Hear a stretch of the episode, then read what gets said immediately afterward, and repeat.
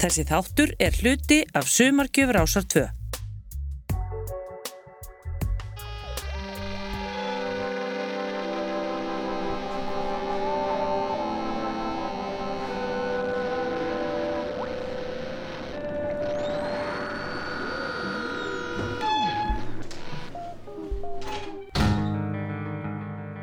Það að senda fólk til Mars er, það er engi spurning að þetta er flóknasta verkefni sem mannkynni mun taka að sér. Því að það að halda fólki á lífi í geimnum er gríðalegt fyrirtæki.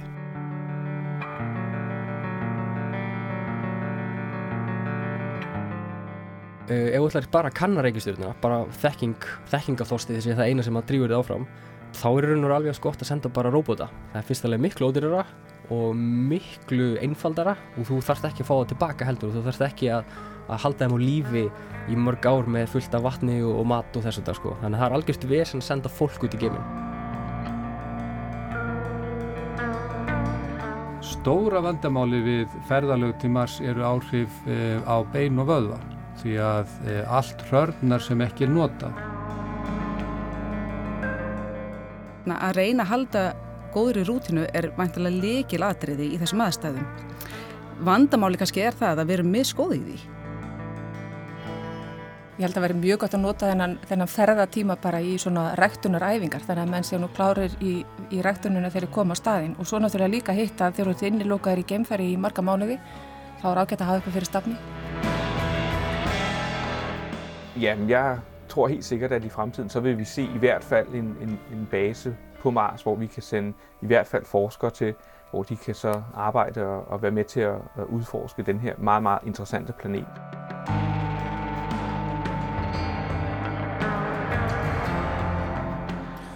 Bandaríska geimferðarstofnunin NASA ætlar eftir 15 til 20 ár að senda menn til Mars. Er það hægt? Er það góð hugmynd? Hvernig gerum við það? Og hvað er unnið með því? Ég heiti Guðmundur Pálsson. Og ég heiti Vilhelm Anton Jónsson. Við ætlum næsta einn og hálfa tíman að velta þessum og fleiri spurningum fyrir okkur með sérfræðingum um efnið eins og við gerðum í gær. Þetta er þátturinn Innrásin til Mars. Ground control to Major Tom. Ground control to Major Tom. Take your protein pills and put your helmet on. Ground control to Major Tom. Seven, six. Commencing countdown engines on. Three, two. Check ignition and may God's love be with you.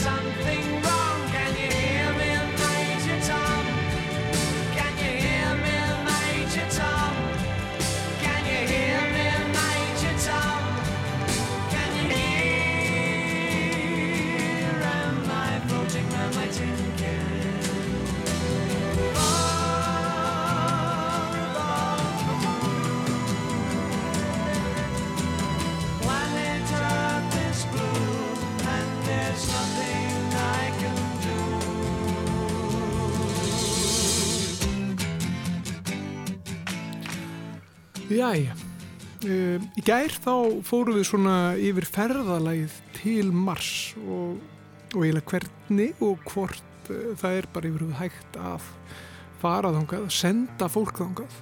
Og það er, það er nú svolítið mikið mál, við komumst að því. Uh, við tölum líka með hana Önnu Kristínu sálfræðing, hún gaf svona í skýna að það þyrfti svolítið sérstakar típur til að fara í svona leiðangur að maður tala nú ekki um ef maður ætlar ekki að koma tilbaka eins og, sumir ætla hvernig veljum við fólkið í þetta sko Ja, eins, og, mitt. eins, og, eins og var að tala um hvernig getum við bara búið til hóp einstaklinga sem eru Mhm. svona já, hafa þau karakter einkenni eða hvernig sem við viljum orða það á fallir íslensku Já. sem að þarf að hafa til að bera til að bara geta þetta, lifa þetta af og það var sérstaklega einn típa sem að þarf að vera eða, þarf ekki að vera en væri gott að hafa til að taka líka svona erfiðu ákvarðanir svona ákvarðanir sem kannski stríða gegn samvinskunni eða, eða þess aftar já, hún vil bara hafa siðblindan hann um borð. Já, er vill og vill. Já, já. Það, væri, það væri kannski möguleiki. Möguleiki. Við höfum þetta alveg eins grátt og flatt sko. álitlegur kost. Uh, Arjan talaði um þingdakraftin Mhm. hvað er erfitt bara að komast frá jörðinni, bara leggja af stað. Það fyrir svo mikil orka í það bara að koma eldflug eða hérna koma gemskipum af, af stað Frá- og, og í því samingi talaði Sævar Helgi við okkur um nýjar eldflögar Mhm. sem að eru ekki til en, en þyrti að smíða. Já, voru til þegar við vorum að skjóta til tungsins en, en Mhm. svo er það bara ekki til lengur þannig að það er að smíða þær það er líka ekki neinn stað sem er bara hægt að setja bensína og, og skjóta upp aftur. Þetta virkar ekki þannig vist sko. Svo er heilsufarið, við tölum við hann hjálta lækni. Mm áhrif þingdaleisis á, á líkamann, beinmassi og, og vöðvarmassi Mhm. rýrna gríðarlega hratt í þingdaleisa þegar við erum ekkit að, að reyna á það sko. það bara gerist nefnilega einmitt bara tölvöld hrætt mjög hratt já, já. og svo vitum við kannski ekki alveg allt um uh, áhrif þingdaleysis heldur Nei, á þú svo komum við til Mars og þar er einmitt takmarkað þyngdarkraftur, já, já, takmarkað 38% þyngdarkraftur. af þingdakrafti jarðar sko, sem Já. verkar á þar Já, við vitum ekkert um það, hvað það þýðir. Svo þarf maður náttúrulega að fá all næringarefnin, það er nú mikilvægt og við tölum við hana Gurri, hana Guðriði Helgadóttur, garðskjufræðing og líffræðing, hún vil meina það sé nú vel hægt að rækta ímislegt á Mars og eiginlega væri bara best að byrja strax á, á leiðinni. Við spytum hvernig byrjum ekki bara á að heyri henni og heyrum aðeins meira um hvað er hægt að rækta og hvað við þurfum að rækta á Mars, sérstaklega við ætlum að vera þar til lengri tíma.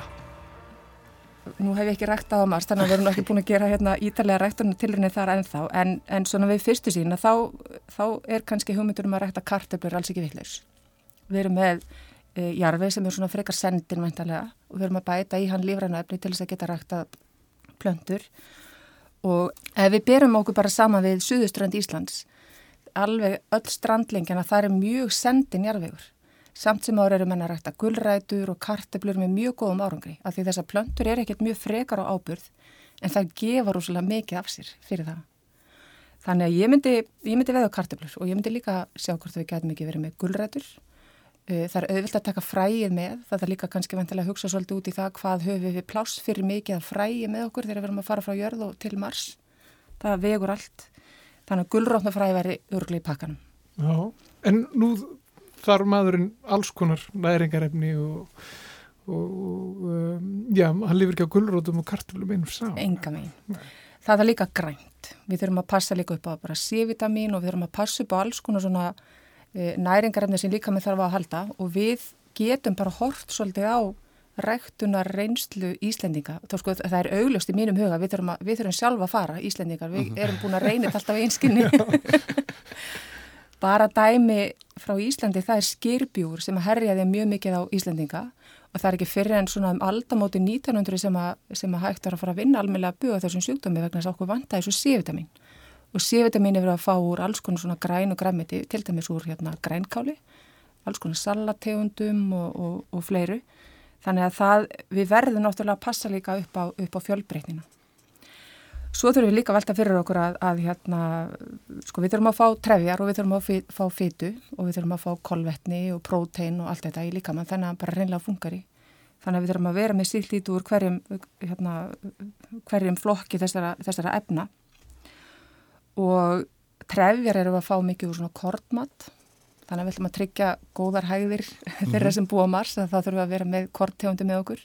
Mhm. Við þurfum líka að tryggja kolvetni, við fáum alltaf góðan skamta kolvetnum úr kartablum og svo er alls konar svona efni sem við þurfum að halda eins og, eins og bara karotínefni sem við fáum úr gulrótum sem að tryggja A-vitamin í líkamann og fleiri dásanlega góð efni.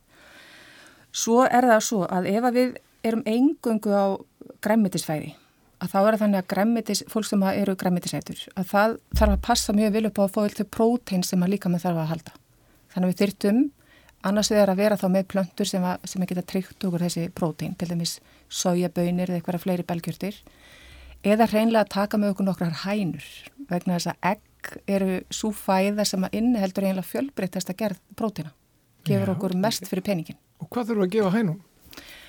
Hænurna borða korn og svo borða þær alls konar lífrænt, til dæmis voru hænurnar hennar ömmu, alltaf fóraðar á kartöblu, hýðinu og svona öðru sem að fjall til og þær þrifust mjög vel. En þær fengur samt megin upp í staðinni fæðinu er korn. En er ekki, er ekki dýrara fyrir okkur að eigða mat í hænurnar heldur en að borða matinn sjálf? Menni við fáum aldrei meira út úr hænu heldur en við setjum inn í hana. Við fáum minna út úr hænunni í raun og veru, hún Já. borðar meira korn og við gætum náttúrulega vissulega nýtt þetta korn. En það sem gerist í, í hænunni er að breyt, hún breytir í raun og veru öllu korninu í próteinin sem við þurfum á að halda. Þannig að það myndi samt borga sig að fórna smá kornagri í hænurnar til þess að við fáum egg og jafnvel kjúkling, skiluru, einu sínu mánuði, að, hérna, að þá erum við að fá því prótein sem að, sem að líka með þarf að halda bara til þess að, til þess að funkar almennilega. Ef við veltum aðeins fyrir okkur þessu, þessu fyrir bara sjálfbærni, er hægt að er hægt að segja að svona samfélag getur bara verið sjálfbært. Það, það er náttúrulega, það er svolítið langt að fara þá þá vantar eitthvað og það er ekki hægt. Það er náttúrulega bara þannig. Þú skýst ekkert út í sjoppu og kaupir súkulæði. Nei, Það þú er skýst ótrúlega sorglegt. skýst ekkit og kaupir bara eitthvað uh, til að bæta, bæta í jarðin eða bæta Nei, í nákvæmlega. eitt eða neitt, bæta í neitt upp. Nei, nákvæmlega. Og þess vegna þarf líka að vera búið að sko, átt að sjá því hvernig ætla menn að vinna til dæmis ábröðrefinu úr jarðveginum.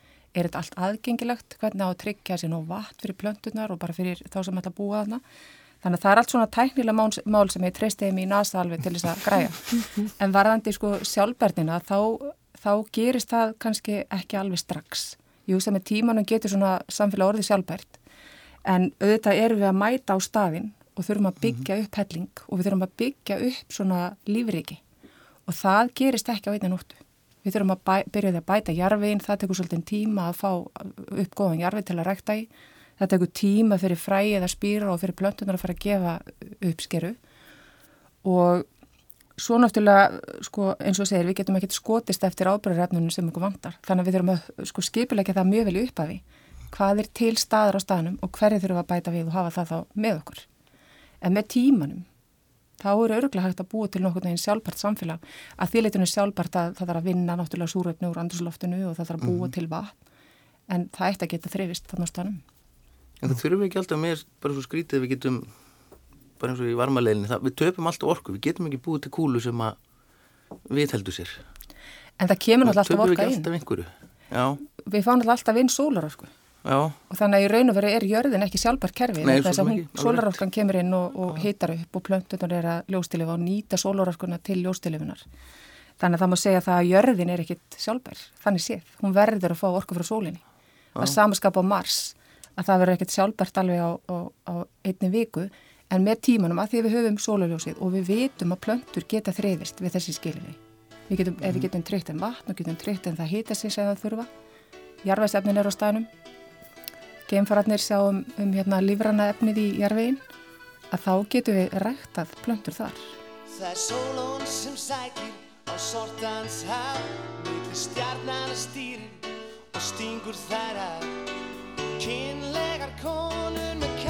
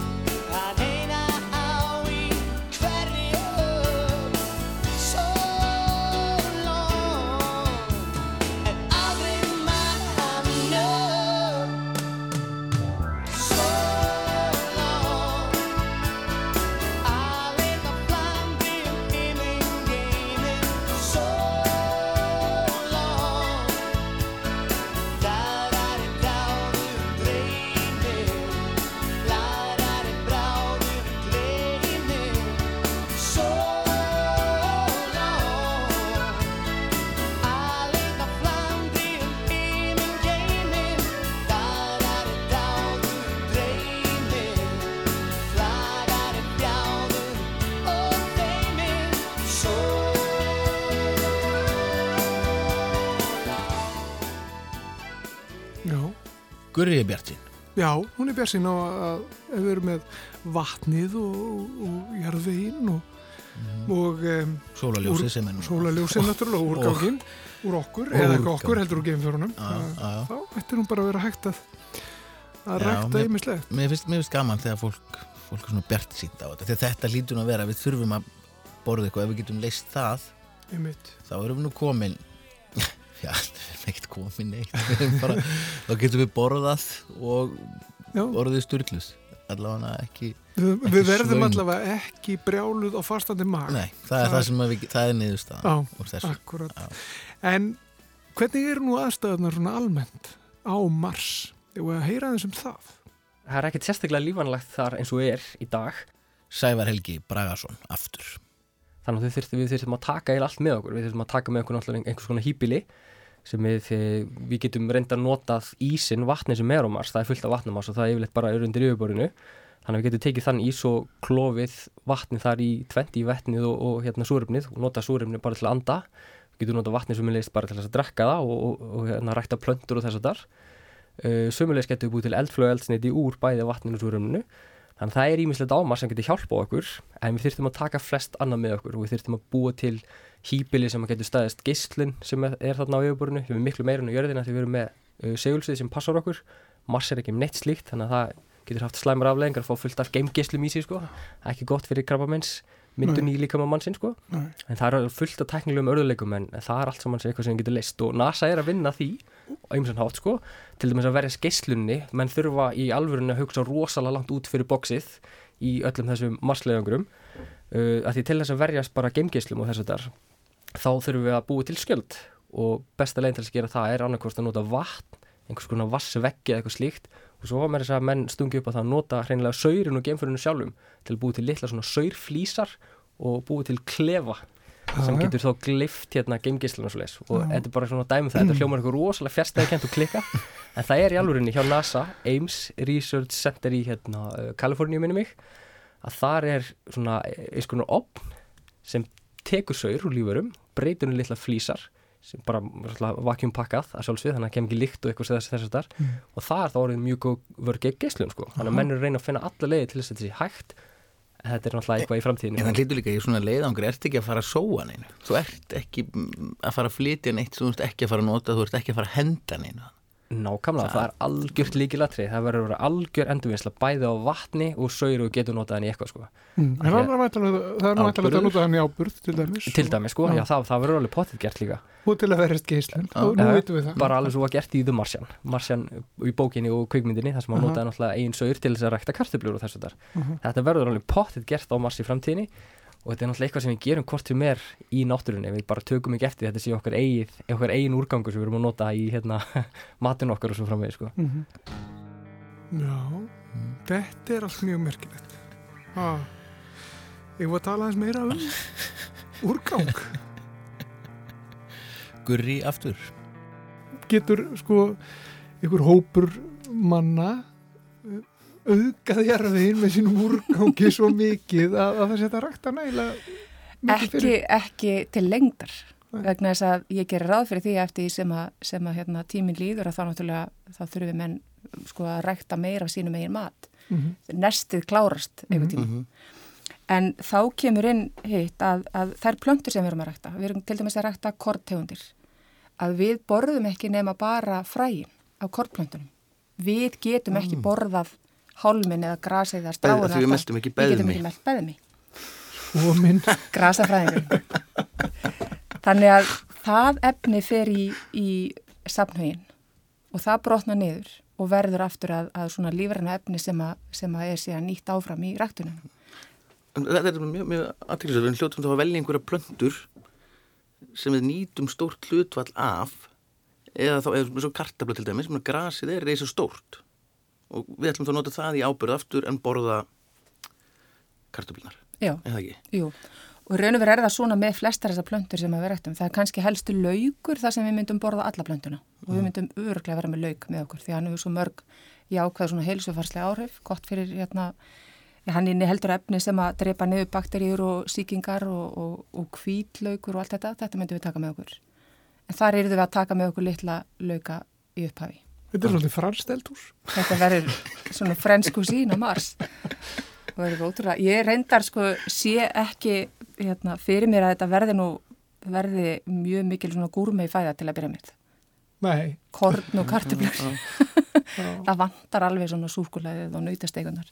En það er nú kannski svona fjör... Og rjóman. Það er nú spurning hvort það ættum ekki að smikla eins og einni kusu með okkur. Það verður dásanlegt. En, en svo er, svo er annars, maður velta velt fyrir sig líka, að þegar aðróttakrafturinn á, eða þingdakrafturinn á, á Mars er bara 30% af því sem hann er á jörðinni, getur við þá ræktað, sagt, þá þurfa stilkarnir ekki að vera einn sterkir, ef við ætlum að rækta vinnber, þá getur við ræktað miklu stærri vinnber á plöntun en við gætum hér, því að hérna myndur bara brotna, er það ekki vunni með það eitthvað? Er það, er það kannski annað? Nú ertu komin út í svona erðafræðilegar pælingar sem að, sem að þurfa nánari rannsóknar við. Já, já. Eh, er sko, er bara eitthvað stopp, er, ég meina, segi planta bara stopp, ég verð ekkert stærri en þetta. Ég hef aldrei verið stærri en þetta, ég ætla ekki að fara að gera það núna. Sko, plöntur er eiginlega daldi magnar. Ef, ef, ef ég myndi pröfa að planta geti haft sko, skoðanir. Já, það er náttúrulega að hafa allar miklu skoðanir. Það er svolítið eftir við hvernig talar hvaða skoðanir það er að hafa. Já. En sko, plöntur er eiginlega þannig að, að bara rétt eins og mannslíka minna, við erum bara með ákveði sett af frumum sem við þurfum að stækka og láta þróskast. Það er að segja til þess að ná fullum vexti. Og plöntur reyndar eru með svona endanlega stærð sem að, þannig að eitt löfblad að það hefur bara, segjum, nú er þessi tala og lausu loftigripin, segjum að það hefur þúsund frumur til þess að stækka. Og ef að plantan fer nóg vatni og næringarefnum, þá verður laufblæði mjög stórt. Og eins ef það er engin vindur að hrjá hana, hún er bara í fullkonu skjóli og hefur allt sem hún þarf, þá verður laufblæði rúslega stórt. Sami klótna plöntu, ef að hann vantar vatn og vantar næringarefni og býr á kjalanissi þar sem er alltaf rók, sama laufblað verður miklu, miklu minna að stærð. Þannig ef að plantan hefur öll því næringarefni sem hún þarf á að halda að þá getur hún svona kýlt út frumurnar á vakstatímanum og náð sko mikill stærð. En hún fjölgar ekki frumunum? Frumurnar er í raun og veru bara ákveðna fyrirfram af því ah. er svona, þetta, er, þetta er svona fastur og endalegu vöxtur hverju löfblæði og vendarlega er það eins með aldinn. Þau geta náð ákveðinni maksimum stærð með það að frumurnar geti tegst mjög mikið og meðan það verður á, hérna, á vakstarskeiðinu En eftir að það eru búin að ná sinni endaljú starf, þá myndast vekkur utan um hverja frum og þá getur ekki hérna, frum að stækka meina það. Það er þannig frum, hjá blöndu frum.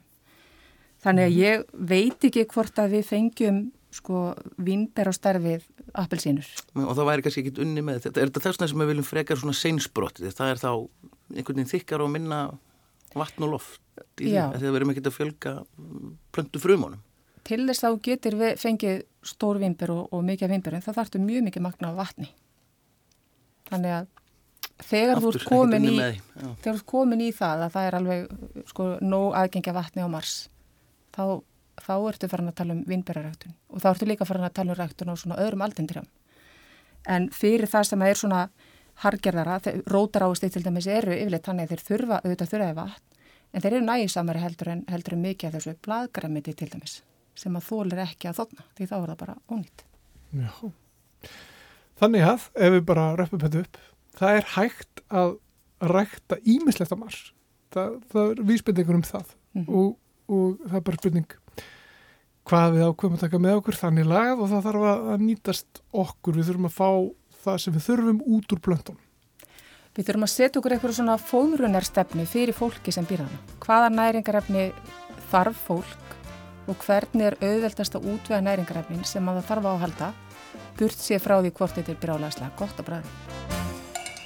Marsbúarnir, þeir lendi í gæð og komum diski með ljósinn Þeir reynd að kenna mér smá rock og ska.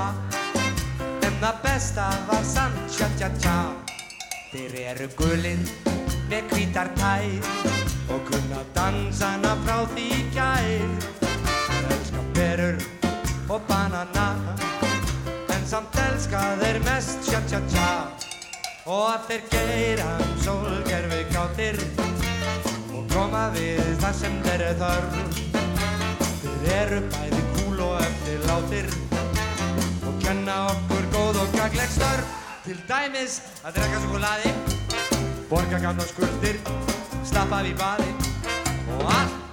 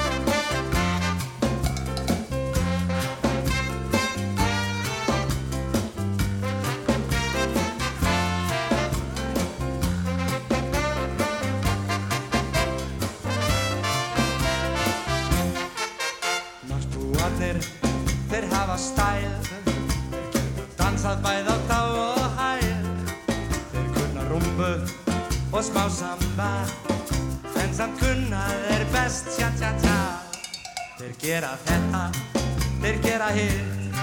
Allt þar til gestir þeir garga á spritt Þeir gera vel við hvar þjónana En samt gera þeir best tja tja tja. Og þeir gera sólgerfi kátir Koma við þar sem þeir er þörf. Þeir eru bæði húl og eftir látir. Og kenna okkur góð og gagleg starf Til dæmis að drekka súkulaði Borga gamnar skuldir Slappa af í baði Og að Já, við vitum að það er nóga vatni á, á Mars og það er hægt að rækta ýmislegt eins og, eins og við erum búin að heyra hjá ykkur í um, en þessar aðstæður þarna þær, þær eru náttúrulega ekki beint ákjósanlegar fyrir, fyrir mannfólk. Þó við getum, við getum rækta þarna Mhm. en það verður ekkert held ég hlaupið að því. Þetta er ekkert svona bara eins og æ, ég glemdi þessu og stekkur út í þú veist, Alaska og kaupir þér eitthvað í þeirri blómabúð ef, hún er til en þá Já, það er, það er, það er spurning Já, en svo, en svo er, svo er annað líka bara, þú veist, ok, blöndurnar og maturinn okkar, það, það Mm. er eitt, sko, en, en hvar, hvar og hvernig ætlum við að búa þarna? um mitt Hvað ætlum við að heima? Hvar, hvar ætlum við að heima á Mars? Hver, hvernig ætlum við að eiga heima á Mars? Spurum Ara. Það er svolítið búið að hugsa þetta og, og þetta er eitt af því sem að er einhverju alveg nöðsöld að hugsa um en þess að, eh, sem ég nefndi að það tekur sex mánuði hvora leið að fara. Eftir að fólk er búið að vera í geimnum í sex mánuði þá er það ekkert sérstaklega mjög hæft til starfa eh, þegar það komið aftur inn í þingdaraflið það tekur tíma að jafna sig Það byggja upp aftur vöðumassan og styrkleikan og allt þetta. Þannig að uh, fyrstu vikurnar á mars eru þau mjög rólegar fyrir þá könnuðu sem að lenda þar. Afstæðanum millir plánuðarinn hefur segjað þannig að ef þú ætlar að koma tilbaka á sex mánuðum, þú getur annarkvæmt komið tilbaka þremu vikum aftur að lendir eða einu og hálfu ári setna. Þannig ef þetta er ferð sem á að skila einhverju, þá erum að tala um það að senda fólk í sex mánuða ferð til Mars, eitt og hálft á ára yfirborðinu og sex mánuð tilbaka. Og til að lifa yfirborðinu í eitt og hálft ár, þá þarf heilmikla aðstöðu. Það sem þarf fyrir hýbílinn er fyrsta sagt um, uh, einangruð húsnæði sem getur haldið inn í loftþrýstingi sem við erum vöna vera í. Loftþrýstingurinn á Mars er uh, mjög lítill, þannig raunverulega væri þetta eins og verið lofttæmið, það þyrfti að vera eins og lítill geimstöð þarna. Um, það þyrfti að vera hægt að halda hýta þar inni og það þyrfti að vera vel einangra því það er, það er mjög kallt á Mars. Uh, yfirborð, reyndar við yfirborðið getur hitastíð alveg farið upp í svona tíu gráður á daginn sko. En það bara rétt við yfirborðið. Við erum að tala um svona neðsta Svo erum við meterinn að tala um mínus og svo erum við að tala um mínus 150, 100 sko á nætuna það er alveg ofsalega kallt á nætuna og, og það er það kallt á nætuna að til dæmis að jepparnir sem að við höfum verið að senda þarna könnunar jepparnir að Spirit Opportunity þurftu að keira hitara yfir nóttina. Þannig þurftu að hafa verið með nógu mikla mikið rafmæn í rafluðunum til að gera hitir yfir nóttina bara til að tölvutækinu myndu ekki ofkólna því þá er ekki hægt að náða mig ganga aftur þannig að það er virkilega kaltan á nætunar um, og þetta er nú bara svona, það þarf bara þessi hýbilið þarna til, a, til að geta lifað af í þessu, þessu umhverfi um, það mun einfaldara heldur en á mörgum öðrum stöðum samt um, bara að því að þú hefur þarna smá loftrýsting, þú hefur hérna þingdarafl þannig að það er svona, hlutir bara fungera þarna almennt séð. Svo þarf þetta það sem þarf til að halda í lífi. Vatnið og súrefnið er ekkert mál að fá á Mars. Um, vatn, það það er nægt vatnanda og það er hægt að búa til súrefnið annarkvort með því að hérna vinna það úr koldfísýringnum sem er í andrúsloftinu eða með því að bara hreinlega að nota rafgreiningu á vatn. Það verður vetni og súrefni og getur notað vetni líka sem eldsneiti eða vilt. Uh, það er þetta búið til metan þannig að það er greiðalt magna koldfísýring í loftinu, það er eiginlega bara koldfísýring í loftinu svona þessum efnum sem við þekkjum. Þannig að það er lítið mál að búa til uh, kólefnisbyggð eldsneiti eftir því hvort þú vilt nota það til að hita eða hvernig þú vilt gera það. En, en síðan þarf þetta að halda lífi í, í fólkinu og þá er einn besta leiðin þarna er að finna einhverja leið til að rekta eitthvað. Annars er annars verður bara senda eins og hálsás byrðir af, af frosnum geimfaramatt sem er ekkert sérstaklega góður að bræði en fólk lætur sig hafa það. En það er hægt að senda það líka undan. Það var eiginlega hægt að senda skip á undan sem, að, sem bara færi með allan matin sem þyrti. Og, um, en allavega þessir þætti sem eru erfiðast í súrafnið og vatnið, þeir eru til þú lögulegsanlegir á Mars. Já. Geimfaramatur. Það getur ekki verið gott. Nei, það er, það er samt eitthvað pínu töff við það. Mm -hmm. Geimfaramatur eins og þeir nota á NASA eitthvað. En ég held að það sé ekki gott, nei. En ég, ég, ég var alveg til í að eiga eitt svona pakka bara til að prófa. Já, alltaf til að Svo er líka sko að þú ert að borða í þingdalesi, þú ert að næra þig í þingdalesi. Já, já. Og ég held að séu með svona, þetta er svona eins og pokar og svo bara svona stútur upp úr, eða svona rör. Já, og svo, svo stingar svona, svo, og svo, svo kreista er þetta einhvern veginn, þetta er svona, skvísur er þetta ekki kallað, skvísur, eins og barnamatur. Já, já, já, svolítið þannig sko. Já, svo er alls konar matur sem má ekki borða í geimnum sko, allt, þessu bönir, allt sem þú prumpar af. Er? Er vond, já, þá ertu bara komið með gas í magan og það er ekkit, það er í þingdaleysi sko. Þá er við að þú eru að rópa og prumpa skjálfilegt í geimnum sko. það hlýtur að vera erfitt í lókuður í mig svona, svona mikið, þú loftar ekkit út nei, nei, þú opnar og skrúar ekkit niður svona, ei, krakka mínu, hvað er það að gera þarna? Aftur í sko. nei, nei, en nú erum við komin í, í svona tæknilega atriði sem að kannski sem að kannski skipti ekki mjög miklu máli samt þó það sé vissulega getur óþægt já, já, já, en, en ok, segjum, segjum það bara ef, hérna, en ef við ætlum út ef við ætlum út á Mars hvernig hvernig veðrið? Um mitt spyrum Sævar Helga að því Það er yfirleitt frekka kallt bara skýta kuldi. Svona uh, loftíburinn er rosalega þunnur. Hann er áleika þykkur eins og í 30 km hæði við jörðinni. Þannig að hérna þegar er stormur á Mars til dæmis við þekkjum öll storm hérna hér á jörðinni það sem að svona vindurinn ítur og aðeins við okkur. Þegar 20 metrar á sekundu á Mars þá er það svona eins og, eins og það er hálfpartin eins og það er linkt hjá okkur. Það er svona hreyfur örlíti vindin það er bara vegna þess að loftíburinn er svo rosalega þunnur. Svo lítið loft að hreyfast. Akkurat, nákvæmlega og uh, hitast því að meðaltali kannski svona 50 steg frost eitthvað svo leis en við miðbögg getur hann farið upp í kannski 10-20 steg eitthvað þess að þar Hefur, í í já. já. Og þá náttúrulega reyndir aftur að hafa það í huga að, að í svo rosalega litlum loftrýstingi eins og þar er að þá valla myndir að finna fyrir því. Að þetta er náttúrulega bara eins og verið í tómurúmi líku við. Uh, þarna getur annars slæðið geisa uh, svona sandstormar. Og það getur haft slæmar afleðingar fyrir orku þörf og orku nótkun vantalega má spúi framtíðina því þeir verða vantalega háðir sólarorkunni að mestu leiti til að byrja með með þessu og þá þarf að reynsa sólaraflöðunar mjög reglulega uh, til þess að bara maður fái næga, næga orku frá sólinni. En annars er bara ágættis við svona daglega sko, það er ekkert, er ekkert slæmt það, ekki, það rignir ekki hana þannig að ekki eins og Íslandi. Uh, þannig að það er kannski ágætt ég veit ekki. Það lítið að gera í snjóma það fyrir eftir hvernig maður skilgir inn í gott viður að slæmt viður sko.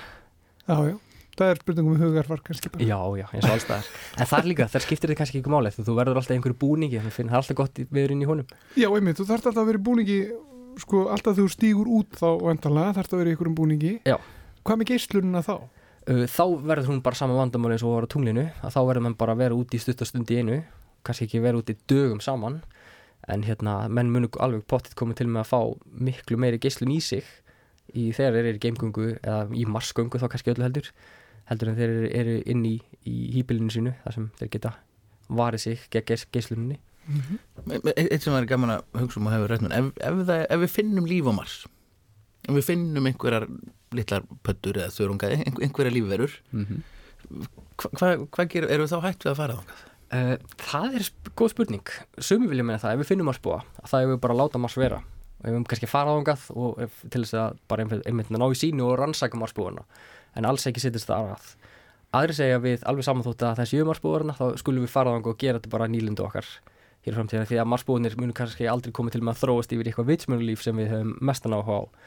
Þannig að það eru svona skipta skoðanir. Uh, persónulega sjálfum ég finnst ættum að fara það no matter what, bara sama hvað vegna þess að þetta er áhugaveru staður og þetta bara liður því að, að kann heiminni kringum okkur og mér finnst það allt of gott tækifæri til þess að sleppa því persónulega.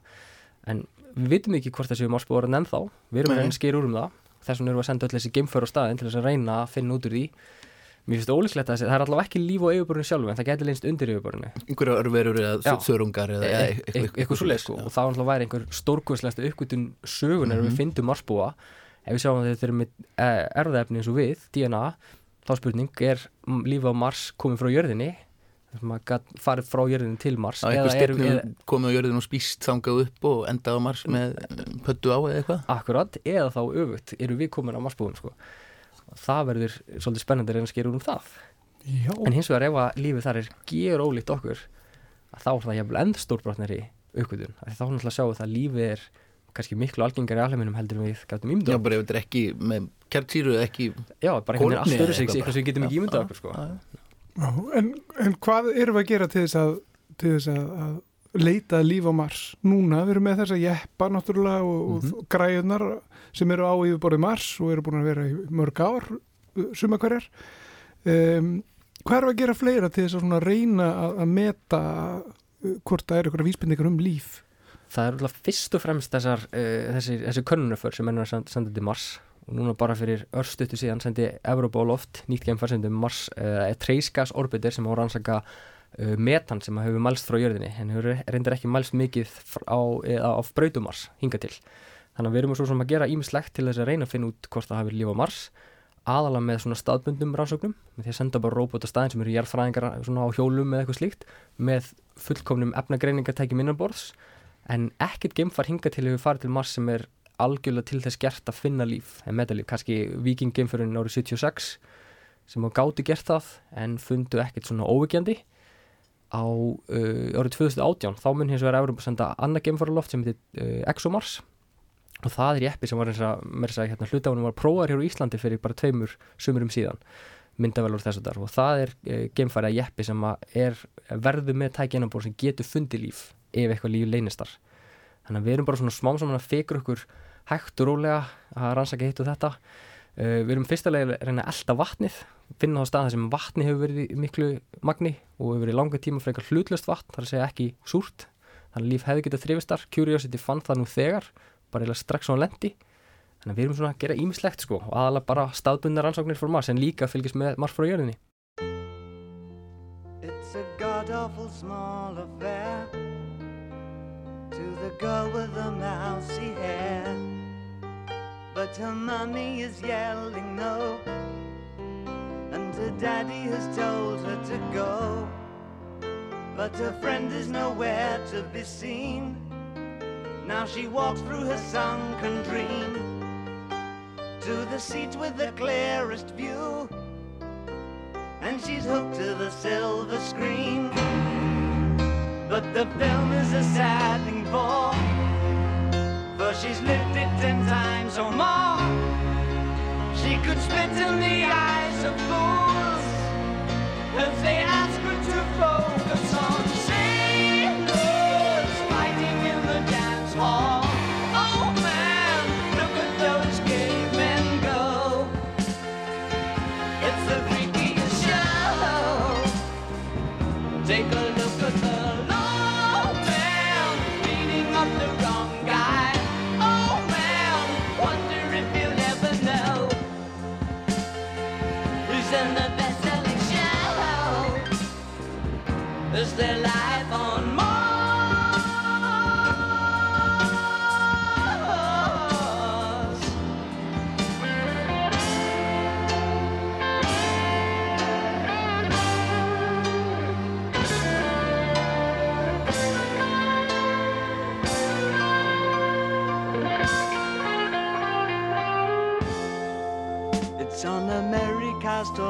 brow that Mickey Mouse has grown up a cow. And now the workers have struck for fame. Cause Lennon's on sale again. See the mice in their million hordes. From Ibiza to the Norfolk Broads.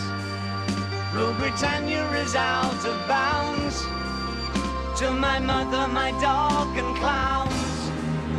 But the film is a sad thing for, cause I wrote it ten times or more. It's about to be writ again, as I ask you to focus on sailors fighting in the dance hall. Oh man, look at those cavemen go. It's the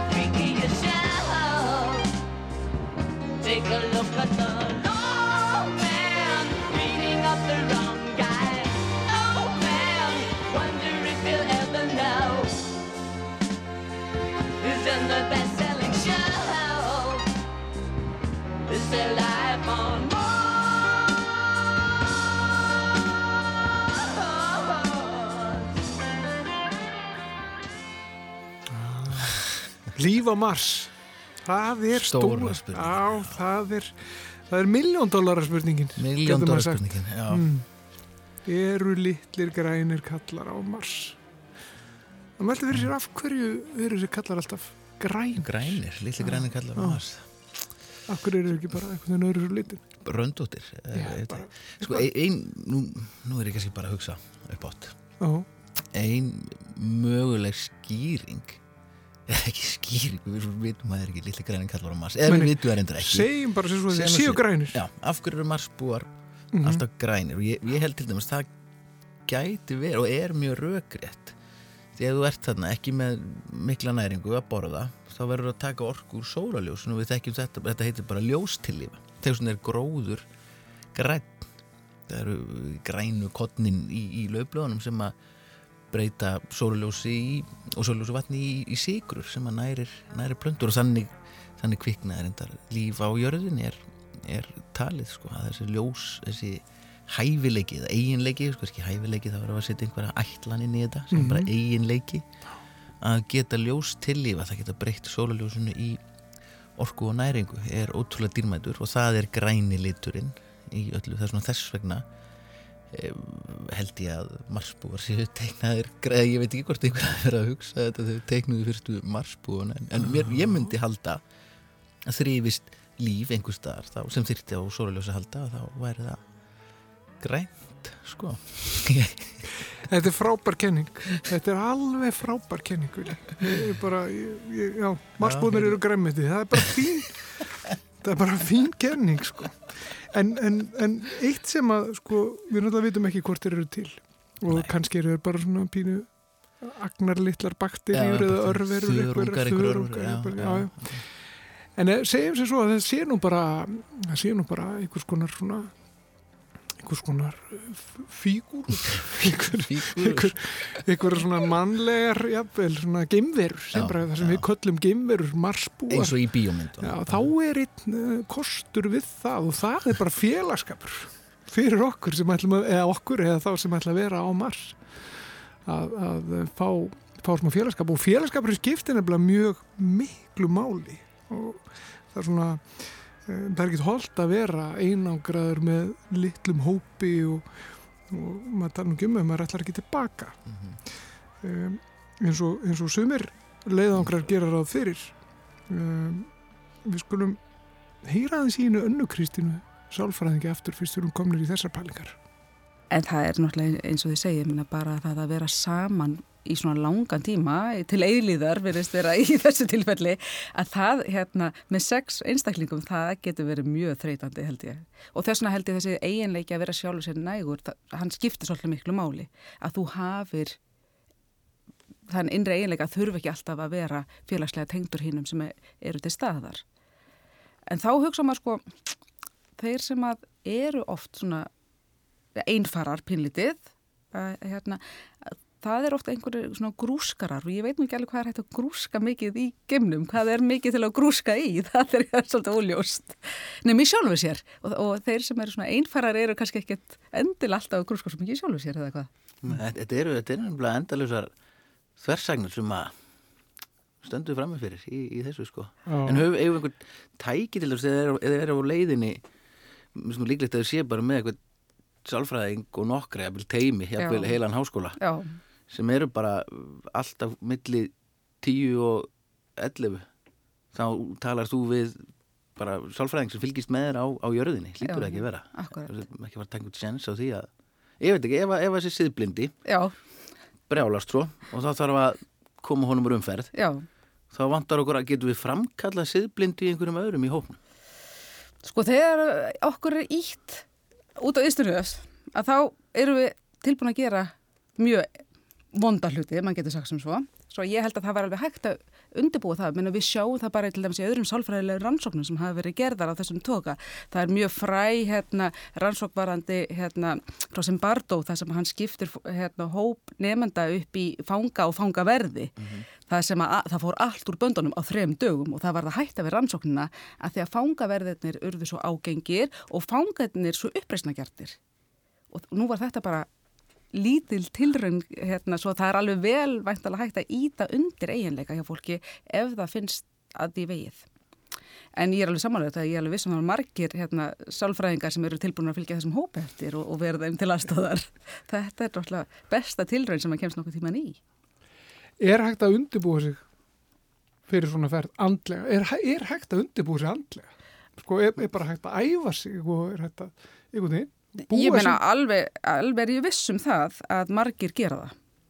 Og hérna en hvort að mann geti það? Svona þegar, þegar á reynir að, að það er kannski annað sem að mann bara þekkir ekki fyrir mann komin inn í aðstæðunar en auðvitað er náttúrulega margir sem að hérna, við þekkjum það alveg úr fjallgöngum og öðru slíku. Fólk sem hefur farið og verið eitt einhver staðar í einhver tíma til þess að takast á þessa áskorun að vera bara eitt með sjálfu sér. En ég held að sé meiri áskorun jáfnvel að vera einn með fimm öðrum til eðilegar af því að hérna, þú í raun og veru verður þá alltaf að vera í einhvers konar samskiptum hvort sem þú vilt að ekki. En þú flýr hvort sem er aldrei sjálfa þig sama hvort þú ert á jörðinni eða á mars. Maður heyri stundum íþróttamenn segja hérna hausin er í lagi. Ef hausin er í lagi mm þá getur, mhm. getur mm -hmm. þetta lið gert hvað sem er bara hausin er í lagi. Mm hvernig sko sér maður þess að hausin sé í lagi? Er það er eitthvað leiðir til þess?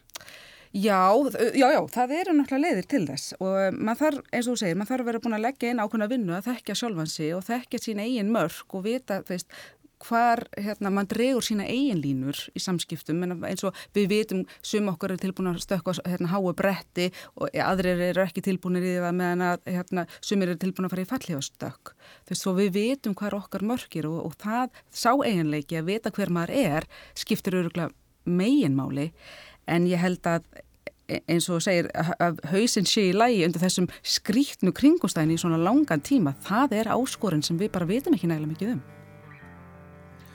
Þetta er áhugavert. Við vitum bara ekki nóg um þetta. En hvað finnst hjálta lækni? Hvernig horfir þetta við læknisfræðinni? Til þess að halda andleiri helsu þá þarf fólk í fyrsta lagi að vera með e, sæmilega líkamlega helsu og grunnþarfum þess ég sinn Það þarf að hafa um, hæfilegan félagskap og það þarf að hafa hæfileg verkefni og það þarf að hafa einhverja fjölbreytni í lífinu til þess að þrýfast. Það er mjög erfitt að sjá að, að það sé með fljóðlegum hætti hægt að byggja upp nægilega góðar vistarveru til þess að fólk þóli þetta en síðan er, má aldrei vanmeta seglu mannkynsins. Ef að fólk tekur sig til, það má vel vera að það finnist einstaklingar sem eru tilbúinir í þetta með öllu því sem að e, þessu fylgir. En ég held að þetta er mjög erfitt að fá uh, halda geðhelsu þessa hóps sem erði þarna við mjög frumstæðar aðstæður og í alveg gífulegur einangrun Ok, þetta er sem sagt andlegi lutin, þau eru samluð um það Anna Kristín og og hjaldi að þetta skiptir mjög miklu máli að huga að, að þeim þætti og, og er doldið svona augrun í rauninni já, já, gæti orðið svolítið svona gæti orðið svolítið áskorun já. að eiga við þetta allt saman. Um, en en uh, svo getur maður náttúrulega bara lendi í sko bara slísi eða, eða veikst. Og þá er spurning hvaða hvað maður gerir og hvaða liv þurfti til dæmis að, taka með hvaða, hvaða liv var í bránuðsilegt að hafa með? Það sem þú þarfst að nota. Það er að segja að það er það eru til mörg liv og það maður þurfti fyrir svona leiðungur sem að hefur náttúrulega aldrei verið farin þá þarf að velja það sem er líklegast til þess að geta bjargamálunum í fyrsta lagi þarf að hugsa um að breyðast við áverkum og þá eru verkjalif fyrstir hluturinn og síðan svæfingar, slæfingalif til þess að geta gert að áverkunum eins og þarf. Síðan er það þá síkingalif ef einhverjar skildu koma upp og nú til dæmis getur við fengið botlangabólgu sem er mögulegt að kæla niður með síklarlifum þó að við notum yfirleitt skurða að gera við botlangabólgu.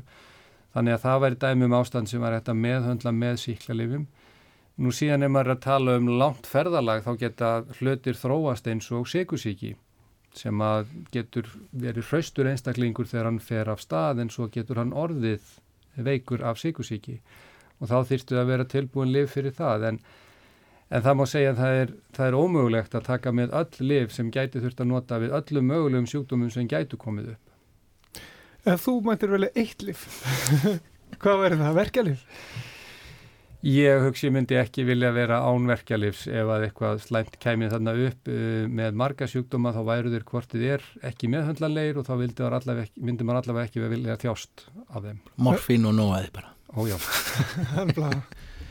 ef, ef myndu nú fara og flytja til Mars, þar sem er veist, minni þingdakrafturinn hér og, og, og loftrýstingur allt annar, getur ykkur að meta hver eru lífslíkur? Manna á Mars verðu við 50 eða 30 eða 150? Við, það veit engin maður. Við veitum hversu skadlegt sko, þingdarleysið er en hversu, hver áhrif langtíma uh, afleðingar þess að vera í lágu þingdarafli eins og er á Mars, það sem það er um 38% af því sem er á jörðinni, það er bara ekkit vitað. Þannig að það á eftir að koma í ljós hvernig það er Um, það er því snúið að hafa orku til þess að geta framleitt nægilega mikið af matvælum og halda því í gangi. En ég er nú á því að það sé auðveldar að leysa tæknilegu hliðinar á því að halda lífi í fólki heldur en að koma í vekk fyrir það að myndi drepast úr leiðundum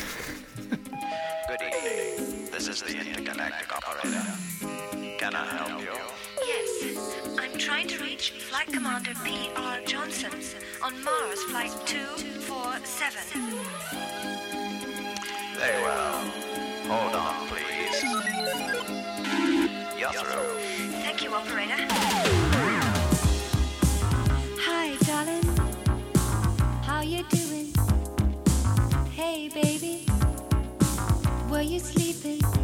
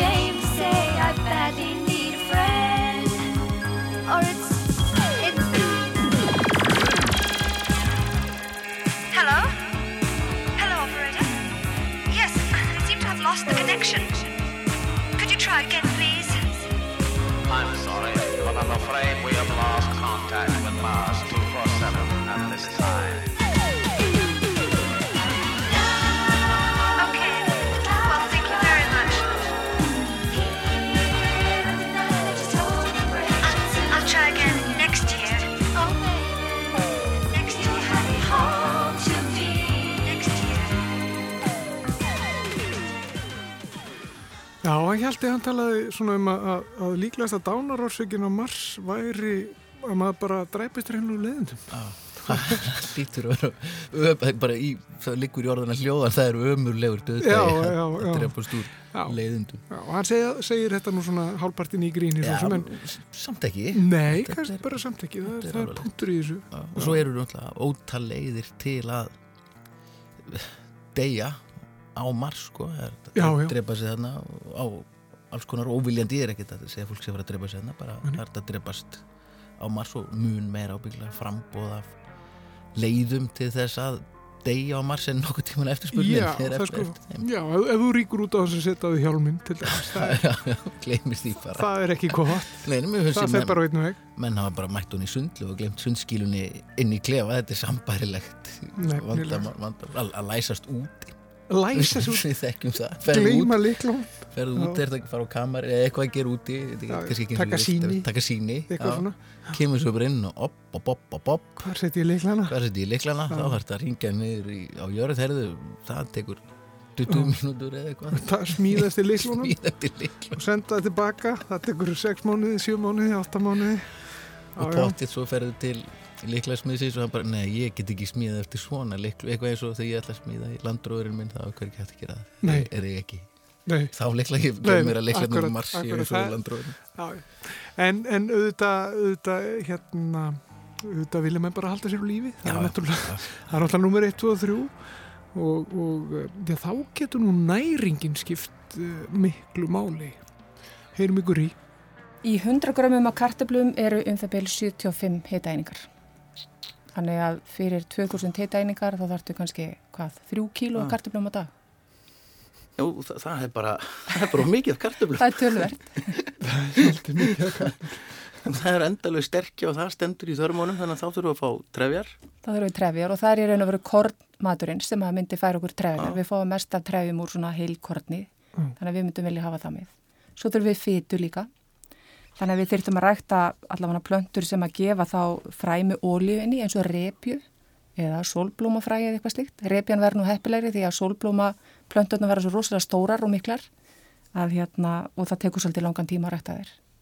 Þannig að við þurftum að finna leið til þess að tryggja ólíu og fytu í fæðina.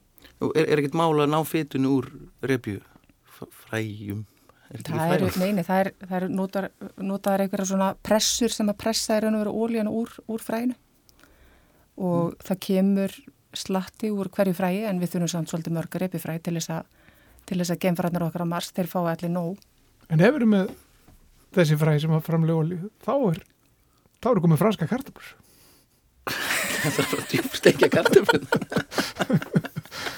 Og þá þurfum við frönsku krydd, þannig að við erum að passa að taka það með að heima. Og Tómasús. Og tómatsósa. Hvaða ógn stæðjar að plöntum á Mars?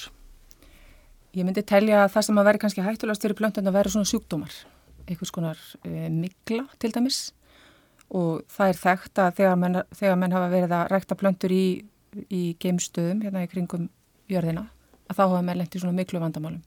Plöntunir eru lokaðar í litlu rými og að, og þá verður mjög hár loftar ekki inn í þessu rými og erfitt að lofta. Það er erfitt að koma loftun og reyfingu í lofttæmi. Þannig að þá myndast, það kemur oft mikla á blöndunar og miklan virðist bara vera allstæðar í umhverfinu og erfitt í raun og veru að, að hérna, koma algjörlega í vag fyrir það að komi upp mikla en hins vegar þá hafa menn fundið upp svona loftreinsi búnað sem að menn er að nota núna um borði í, í geimstöðum til þess að reynsa loftið og það dregur verulega úr þessu vandamáli og þetta er endar svo þróaðu búnaður að vínbændur í Kaliforníu hafa keft sér svona græður og er að nota í vínkjötturunum sínum. Já. Þannig að við getum upp, uppskeru brestur er alveg mögulegur á, á Mars eins og á jörðinni. uppskerubrestur er alveg mögulegur. En hins vegar eru náttúrulega til leiðir til þess að bregðast við því og yfirleitt ef við lendum í einhver svona miklu vandamáli sem að gerist alveg í rektun hér hjá okkur bara og hvar sem er. Það er að hækka eins hitan í gróðrúsunum og hreyfa loftið. Af því að miklunni og miklu sveppum að þeim líður best ef að loftrækin er hár eða svona hlít og notalegt og engin hreyfing á loftinu. Þannig að þá þá maður að reyna að þurka yfirbor plantana og þannig að það eru leiðir til að berjast við það Já, þannig bara með því að hækka hitan pínlítið sem hefur ekki áhrif á plöntuna, Mhm. þá dreipum við mikluna. koma loftinu líka hreyfingu í kringum plöntuna að því að svona kyrt loft það er alveg kirtloft og hárloftræki það er drauma staða fyrir margar svona mikluseppi.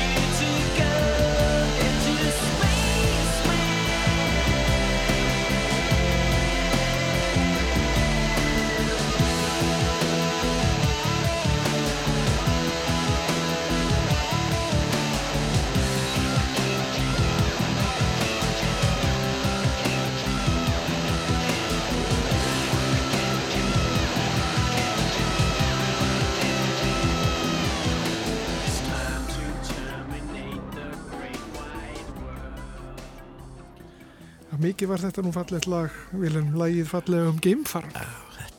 Ég er orðulegs, mér finnst þetta svo fallegt lag það áður, ég séð það bara áður. Um, þetta lag fjallar sem sagt um geimfara, Spaceman, við gefum okkur þessi geimfara, þetta er hann kannski er eitthvað, eitthvað. sko. Já, held, já, heldur þetta sé kannski eitthvað Eitthvað, það er til eitthvað sem heitir astronaut, annað til Já. sem heitir kosmonaut. Já. Um, og, og svo Spaceman og svo er þessi Spaceman, Alltaf sé eitthvað, erum við kannski að spila einhverja músík hérna fjallar bara um eiturlif. Já, sem er eitthvað svona slangur Erum við, erum við að gera sigin Já, um það? það er þá óviljandi. Er er hvað heitir það, með jú. en svo er hann samt bara að laga um einhver tambórinuleikara Já, já. svo er bara og allir þeir sem að lesa eitthvað mikið í njálu svona, á, hann er nú að meina þetta nei, hann er ekkert að meina það. hann er bara að meina syngjum- hann nákvæmlega. nákvæmlega hann er bara vaðist tunga um höfuð bókstæðlega. Það þýðir ekkert annað. En talandi um geimfara, já, geimfara við þekkjum einn já, við búum nú svo vel að þekkja eitt geimfara. Það er hann uh, Andreas Mósen sem, sem að fór út í alþjóðlugu geimstöðuna. Já, var það í smá stund Já, frænd okkar frá Danmörku. frænd okkar frá, frá Dana Danaveldi og heyrum í honum. det er jo en, en helt utrolig følelse at være i rummet. Uh, bare det at være vægtløs, det er jo det tætteste, vi kommer på uh, at kunne flyve, ligesom fugle. Um, og så er der også, altså det lyder måske underligt at sige, men det at være vægtløs er næsten en helt naturlig tilstand, fordi man bruger ikke sine muskler, man bruger ikke noget energi. Uh, det er som at, at flyde på vand, bortset fra at der heller ikke er vandmodstand, så man lærer meget hurtigt at, at flyve rigtig hurtigt ned gennem rumstationen, næsten som, øh, som Superman. Men det eneste, der så er svært, det er at bremse igen. Så hvis man ikke lige når at tage fat i det sidste håndtag, så kan man godt risikere, at man flyver lige ind i, i væggen. Men, øh, men det er jo en utrolig fornemmelse bare at få lov til at, sådan at, at svæve frit og, og flyve rundt deroppe. Já, þetta var góð vinnur okkar hann Andreas Mósen geimfari. Um, hann var hann að lýsa tilfinningunni að vera út í geimnum. Bara að vera í, þingdalus það sé bara Já. geggjað. Já, hann segir þetta sé ótrúleg tilfinning. Já. Og hann segir þetta sé svona það næsta því sem við komumst uh, því að fljúa, bara eins og, eins og fugglinn fljúandi, eins og kom er fúl, fúl Já. og svo þetta þingdaleysi hérna sko. Það er að verka á mann eins og náttúrulegt ástand sko, eins ótrúlegt og það hljómar bara þú, þér finnst það bara eðlilegt. Já, notar ekki vöðana, um, notar rauninni svona, finnst þú ekki leggja neina orku eitthvað þinn í? Uh, þú ert ekki að halda þér uppi eða, eða, eða neitt slíkt sko. Hann segir þetta sé svolítið eins og fljóta á vatni Já. að vera þingdalus. og lýsir í svo þegar hann svona skjóta sér gegnum geimstöðuna svífandi bara á flegi ferða það sé og að vera Superman Já, það er það er öruglega rétt, hann er nú topp maður en Andriðas vinnur Já, okkar og hann saði í, í síðasta þætti þeir sem munast í því þá, þá saði hann að hann væri mjög til að fara til Mars Myndið þú fara til Mars? Ég myndi svo sannlega fara til Mars, ekki spurning, ekki aðra leið hins vegar. Ástæðan fyrir því ég vildi ekki fara aðra leið, fyrsta lagi þú maður hefur ástvinni hér á jörðinni sem maður vil uh, hérna, vera í kringum, en í öðru lagi að þá held ég ævintir að fara til Mars og koma síðan aftur heim til þess að segja öðrum frá því sé enda á dýrmætara heldur en að skilja mann eftir. Að heimsækja skóla, veita krökkum, innblástur og þessu þar, það er bara gríðarlega mikilvægt, bara eins og tungferðina voru og hérna veita krökkum og fullorðin fólki vonandi líka innblástur til þess að hafa gaman á náttúrunni og vísindum og öllu, öllu því ævintýri. Og heldur að partur af þessu sé það sama sem að dreifa áfram bara landkönnu því bara eins og bara okkar menn hér, al- Leif og, og þá Feðga, Leif og Eirik Alg, já, já, kannski sumuleiti, voru ekki Leifur og hérna, Eiríkur, voru þeir ekki aðalega að flýja einhverja skatt og eitthvað svona leiðindi. það voru ekki allir íslendingar? Jú, þú gerir það ennþá. Við erum með nútíma la, landkönnuðin að gesa lappa þegar maður leitir til tortóla og svona það eru ekki öll komin, að, komin af þessu fólki. Það er spurning, en Já. jú, náttúrulega það sem dreif menn, svona forvitnin drífur menn náttúrulega ansi langt og það er náttúrulega með forvitnin sem við höfum komist þetta langt í dag. Og þetta bara býr í okkur, það er náttúrulega fullt af fólki sem að segja þessi algjör tíma og svona og svo framvegis. En það fólki hefur alltaf verið til og það er fólki sem satt eftir sko, en það er fólki sem að er forvitið og vill kanna það sem leynist handan hæðarinn sem drífur framfæriðnar áfram og gera okkur kleift að sitja hér í útvarpstúdíói og tala saman og útvarpegi síðan um allan heiminn. Og svo eftir einhverja hundra ár verður þetta samtala okkar komið hundra ljósar út í geimina því að menn voru svo forsjálfur að búið til útvarpsenda og svo framvegis þannig að hérna eh, ég fíla þetta fólk sem að hugsa út fyrir bóksið og lætur ekkert stoppa sig í því að hérna láta drauman sína rætast og, og hérna vill er forvitið um heiminn. Og eins og við vilji könnumst nú alveg mæta vel við þegar við hittum fólk á hérna, hér og þar, krakka og svona þá er ekkert einn sorglegt þegar fólk glatar forvitninni. Mhm. og hérna, þetta er bara leiður í því held ég fyrir okkur að við heldum forvitin og kannan það sem leynist það núti Dýrmættasta tilfinningi heimi, verður heisa algjörlega Er það? E- e- Eitt samt, eitt örstu til að þið voru að tala um þetta Hvað er fyrsta útvarpsútsendingin frá Íslandi komin langt út í geim? útvarp Reykjavík, ertu menna þá útsendingu Já, þá er hún komin fyrr- 86 ljósar út í geimi núna Okay. á því svæðið eru nokkur þúsund stjörnur þannig að ef það eru lífi í kringum einhverja þessara nokkur þúsund stjörna þá gætu þeir þær heyrt fyrstu útvarsendingar rúf eins og þeirra lögðu á stað fyrir 86 árum en eftir 100.000 ár verður svo upp útvarpsútsending komin út fyrir alla veturbreytina og þá geta 400 miljardar stjarnar heyrt í okkur ef þeir eiga nógu stór eyru. Þegar út, útvarpsbylgjur fara endalust, getur við lendi því að það er lendi svo á mikla kvelli og fara að koma tilbaka eins og örbylgjukliðurinn?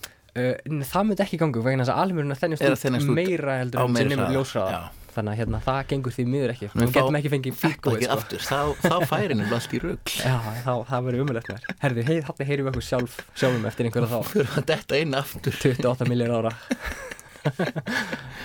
Ég bara hugsa svo mikið sem tækifæri sko fyrir markastildina Já, auglýsing markasvæði er endalust Já, ta ég talandi það. Uh, það er alltaf skemmtilega saga kringum Voyager-plötunar þegar Voyager-geimförum voru sendt út í geiminn. Og ég veit að þeir eru bítlaðandur hér inni, ég treysti því ég veit allavega annar er bítlaðandi veit ekki um vilja en hérna, ertu ekki verið bítsportmaður? Ég, jú, jú, en það er ekki hægt að vera ekki bítla Ah, ok, ok Fara út En hérna á Voyager-plötunum þá er fullt af tónlist og þess að það frá jörðinni, frá, uh, aðalega frá 8. áratugnum og á plötin átt að vera Here Comes the Sun með bítlunum. Bítlunni samþýttu fyrir sitt leiti að senda það lægið með plötun út í geiminn en útgáfafyrirtæki bítlunni hafnaði á forsendum höfundaréttar en það er því náttúrulega ömurlegt ef að Here Comes the Sun kemist inn á torrent síður vetrarbautar en það er bara ekkert hægt að stoppa það. Það er lögfræðingar maður. Here comes the sun. Here comes the sun. I say it's alright.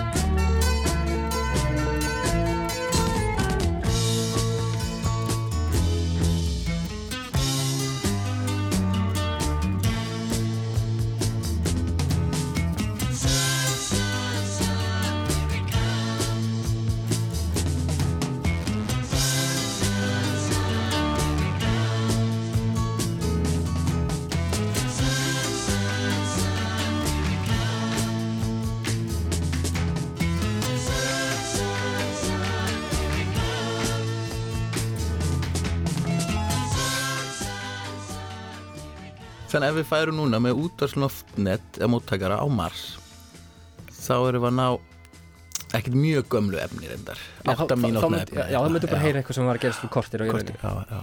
Þannig að, já, það, er yfir þannig munurinn, það kannski fyrir upp í 45 mínútur. Fyrir eftir hverju megin jörðin og sólin er og afstöðu jarðarinnar og, og Mars með við sólina og svona sko.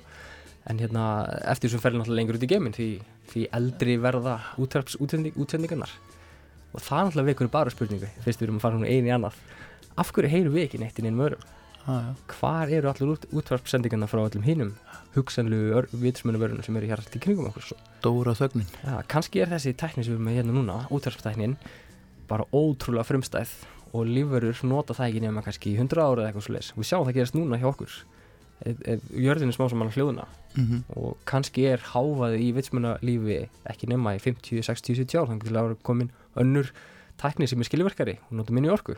Það er bara allt orðið stafrænt og við erum hægt að senda þetta út í allar áttir Já. og við erum að gera Akkurat.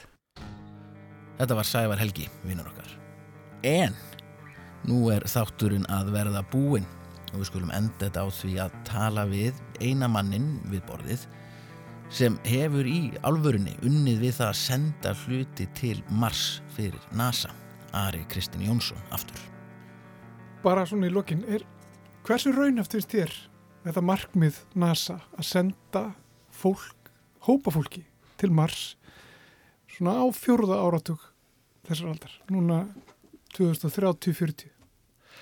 Þetta er, uh, við skulum, við skulum kalla þetta gríðarlega metnaðafullt. Um, þetta, þetta er svakalegt fyrirtæki að gera þetta. Um, ég tel að það munin taka lengri tíma og reyndar er á þeirri skoðun að það sé hægt að gera ansi mikið með velkönnuðum áður en við þurfum að fara að senda fólk. Uh, við vitum það alveg og þeir sögðu það jarfræðingarnir sem við unnum með þegar við vorum að vinna á Mars að uh, það sem að jepparnir gera á einum degi er það sem að jarfræðingur, góðu jarfræðingur gera á fimm mínútum. Bara upplýsingastreymið er svo lítið. En ef við notum fjárfestinguna til að setja sko bara haug af könnuðum á Mars, við gefum þeim gerfigrind þannig að þeir geti unnið meira sjálfstætt, þá auðvitað bætist upplýsingaflæði verulega. Það er líka algjörlega tæknilega mögulegt og mjög áhugavert reyndar að fjárfesta svolítið í góðri könnun á auðbori Mars og hver er svona áhugaverustu staðinir, senda síðan uh, geimfætti Mars sem myndi ná í síni, sem myndi síðan senda tilbaka til jarðarinnar. Það er miklu öðveldur að senda 5 kíló af jarðvegi tilbaka til jarðarinnar heldur en 8 manna hóp með vatni og súrefni og mat. Þannig að það væri einn ein besta fjárfestingin held ég til fyrir okkur til að virkilega geta farið að, að aðtuga hvernig Mars lítur út og uh, ég er allavega á því að það sé skinsanlegasta leiðin. Það er eins og að bara í okkar eðli sem, sem hérna, mannkynsins að við viljum komast ángað þannig að við skulum halda fram að vinna því. En notum tíman á milli til að undirbúa okkur sem allra allra best vita hvernig plánundar raunverulega er og, og stígum varlega til jarðar á Mars.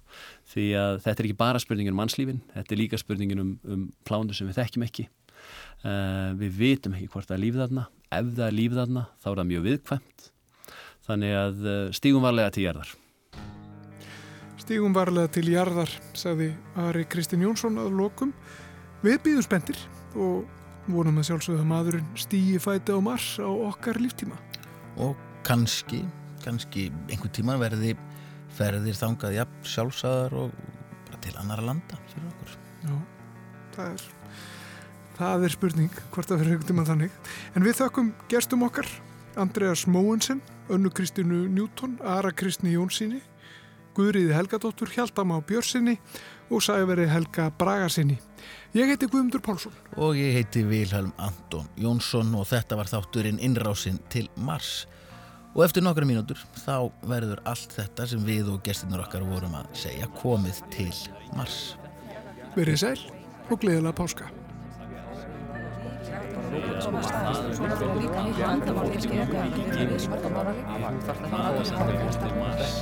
Það er er mjög gott.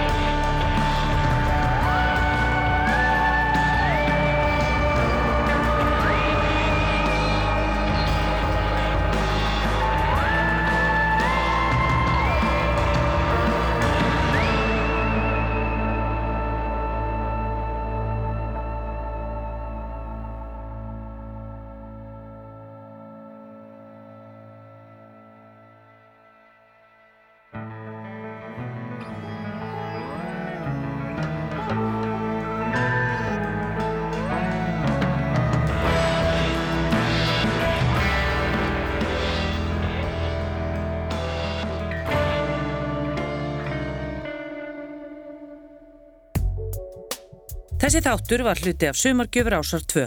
Þú getur nálgast fleiri þætti úr Sapnir Ásar 2 í spilaranum á rúf.is, í rúf appinu fyrir snjalltæki og öllum helstu hlaðvarpsveitum.